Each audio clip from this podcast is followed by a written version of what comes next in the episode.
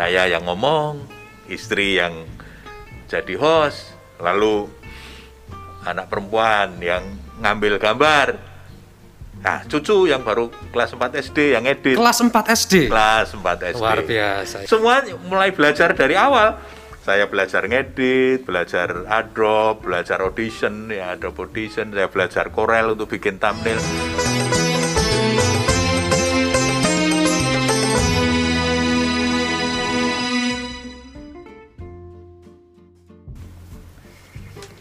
Bismillahirrahmanirrahim. Assalamualaikum warahmatullahi wabarakatuh. Waalaikumsalam warahmatullahi wabarakatuh. Selamat datang di podcast SPA Indonesia, Silaturahim Pecinta Anak, Wadah Pegiat Dakwah dan Pendidik Anak Indonesia. Sahabat SPA Indonesia yang sangat luar biasa, bagaimana kabarnya? Semoga semua sehat ya. Alhamdulillah. Nah, tema kita kali ini sangat menarik sekali, yaitu tentang usia kolonial gaya milenial. Hmm. Dan alhamdulillah sudah hadir bersama saya seorang bapak, seorang ustadz, dosen psikologi, dan juga yang paling penting beliau adalah seorang konten kreator. Siapa dia? Beliau adalah Bapak Khairuddin Bashari. Seperti apa menariknya bincang-bincang kita kali ini? Langsung aja cus kepada narasumber kita yang sangat luar biasa. Assalamualaikum warahmatullahi wabarakatuh. Waalaikumsalam warahmatullahi wabarakatuh. Bapak Khairuddin Bashari. Siap. Pak Irut ya. Betul mas. Bagaimana kabarnya? Baik, alhamdulillah. Sehat. Sehat. Ya, alhamdulillah. Bisnis lancar? Lancar. Terkendali. Terkendali. Ya? aman, aman, aman. Aktivitasnya apa ini semasa pandemi ini Pak Irut? Ya ngajar, ngaji, sama bikin konten. Bikin konten. Nah, ya? Ini sebelumnya biar kita enak nih saya panggilnya apa ini? Pak, Om, Dek. Kakek, Dek, Dek, Dek ya. Sesuai Kalau berani. Kalau berani. Baik Pak Irut, ya. sesuai tema kita kali ini. Usia kolonial, Hmm, gaya milenial. betul. Kenapa memilih itu? Kan kelihatannya ini kan usianya sudah nggak milenial lagi ya gitu. Ya, sudah mendekati 60 lah. Mendekati 60 ya. Ya. Tapi memang karena kita masuk ke era milenial, ya Mm-hmm. mau tidak mau kita harus menyesuaikan dengan tuntutan zaman. Tuntutan zaman itu yang Wah, seperti apa, itu. Karena generasi milenial ini kan multitasking, Mm-hmm. produktif, connected, ya kita harus terus terhubung, ya terhubung dengan jamaah, terhubung dengan teman-teman. Karena kalau pandemi kemudian kita tidak bisa menyambung silaturahmi, kan kemudian berhenti, keterhubungan itu berhenti.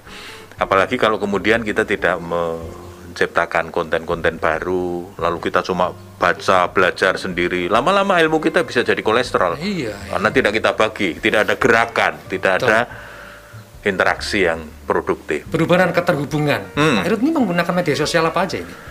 Hmm, ya tentu kalau biasa ya kita pakai WA. Tapi kemudian ketika kita bikin konten, kita unggah di YouTube, lalu kemudian berkembang. YouTube sudah jalan, lalu teman-teman jamaah Facebook ya itu minta lo ini mas, ini harus di share juga di Facebook, lalu pakai Facebook. Instagram? Eh, iya, Pakai apalagi juga ya? kemudian teman-teman di Instagram juga gitu, "Oh, kami juga harus dapat bagian, nah, share juga. Dari situ kemudian berkembang. Nah, akhirnya perkembangannya itu mengalir begitu saja karena teman-teman di radio swasta misalnya, Mas, boleh nggak apa yang sudah ditayangkan di YouTube itu kemudian kita siarkan juga di radio?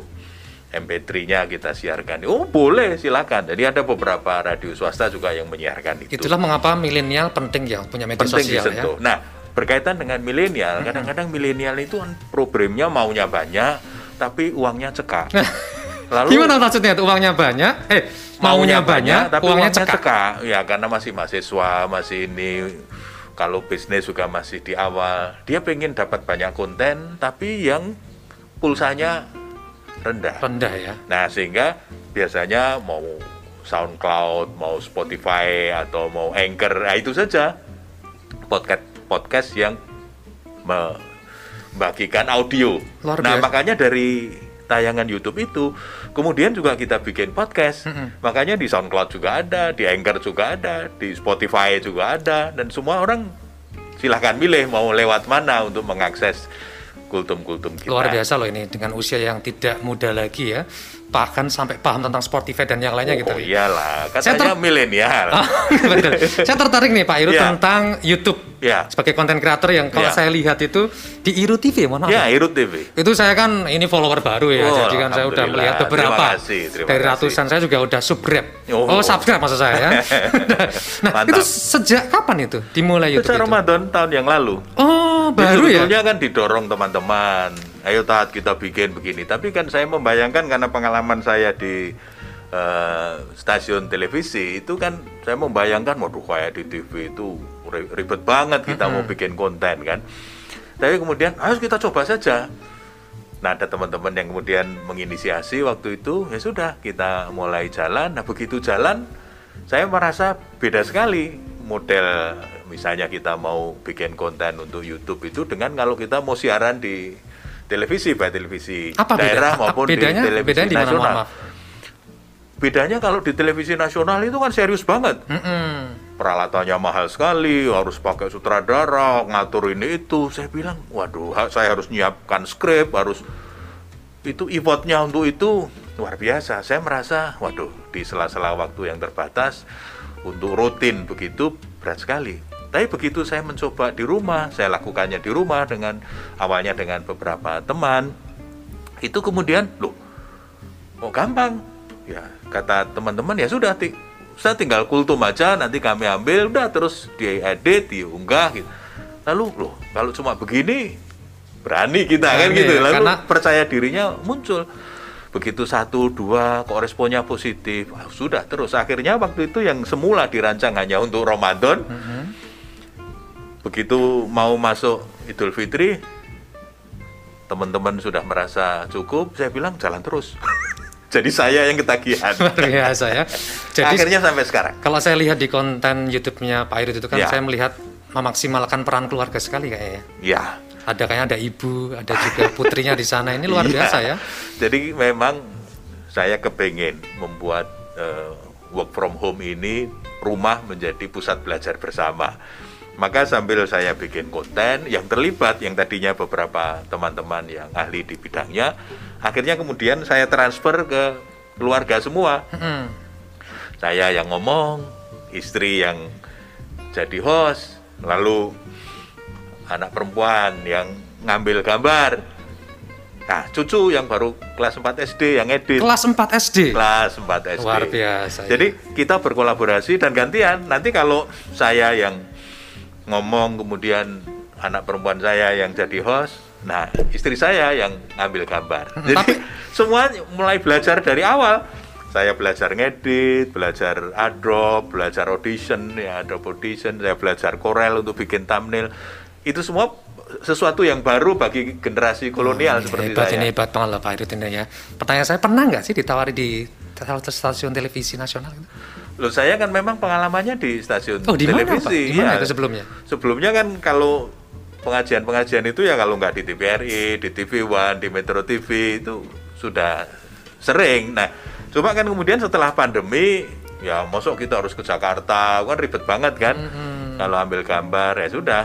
Lalu apa yang bisa kita lakukan di rumah? Nah ternyata dari rumah pun bisa menjangkau halayak juga yang tidak kalah Luar biasa. luasnya ya. dari apa yang di- bisa diberikan oleh TV baik lokal maupun nasional. Mm-mm. Tapi kan kalau kita lihat kalau di TV nasional mungkin walaupun ribet sepertinya mungkin bermanfaatannya kayaknya lebih luas kali ya atau gimana?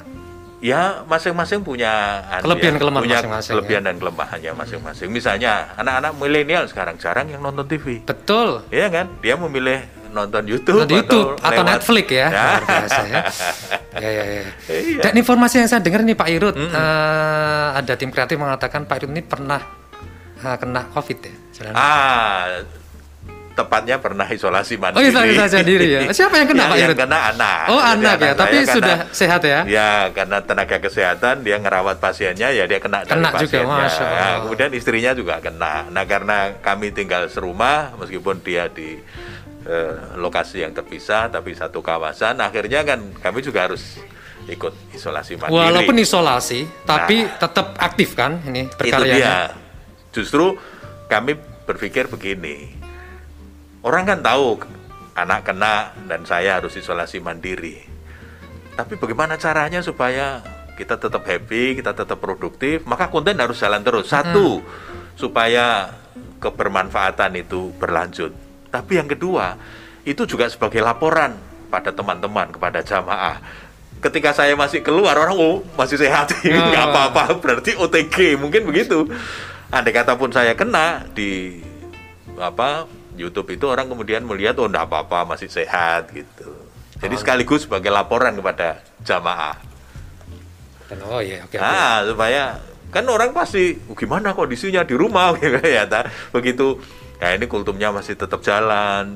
Waktu itu memang saya mentargetkan tiap hari harus muncul. Maka sejak Ramadan itu sampai beberapa bulan yang lalu tiap hari muncul. Oke, Pak Irut. Jadi gini, ada banyak uh, orang yang usianya lebih muda dari Pak Irut, tapi kebetulan mereka males banget.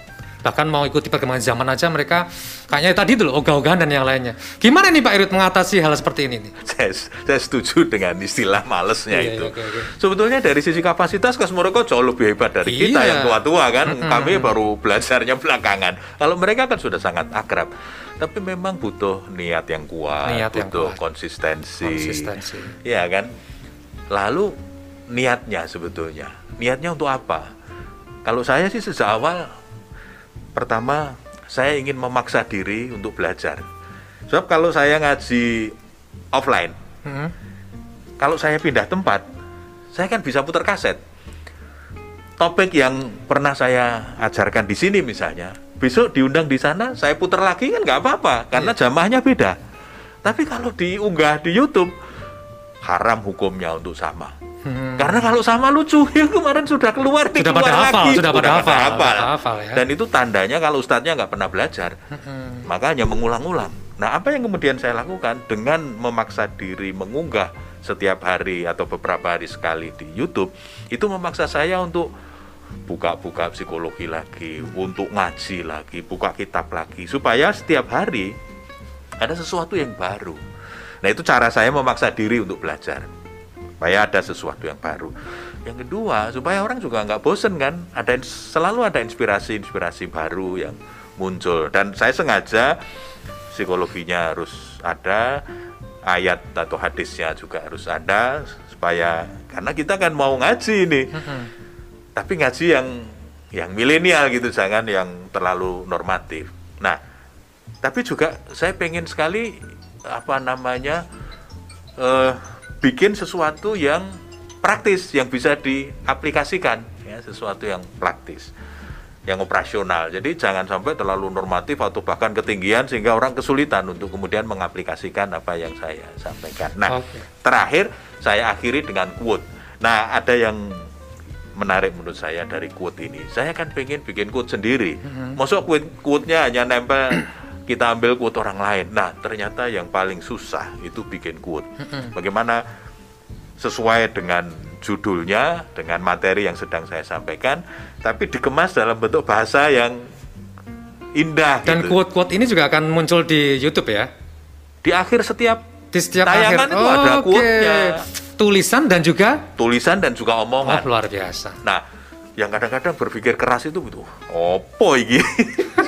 Kadang-kadang nggak ketemu-ketemu juga. Betul, betul, Jalan-jalan dulu baru oh ya kan dibikin begini. Kontennya ada, tapi kan bagaimana kemudian memformulasikannya dalam bentuk kalimat yang indah dan menginspirasi. Luar biasa. Itu rupanya sangat uh, Oke, luar menarik biasa. untuk sebagai Benar, cara Jadi, belajar apa mendapatkan kearifan. kearifan dan Ya, Nah, Jadi gini ya. Pak Irut, penonton kita kalian juga ada guru-guru juga nih. Ya, Bagaimana ya. Pak Irut menanggapi guru-guru yang masih katakanlah ya belum mengikuti era milenial sekarang lah. Ya. Zamannya masih ya tadi itu masih menggunakan gaya-gaya lama dalam mengajar konvensional. Ya. Ini gimana Pak Irut? Tips-tipsnya buat mereka ini?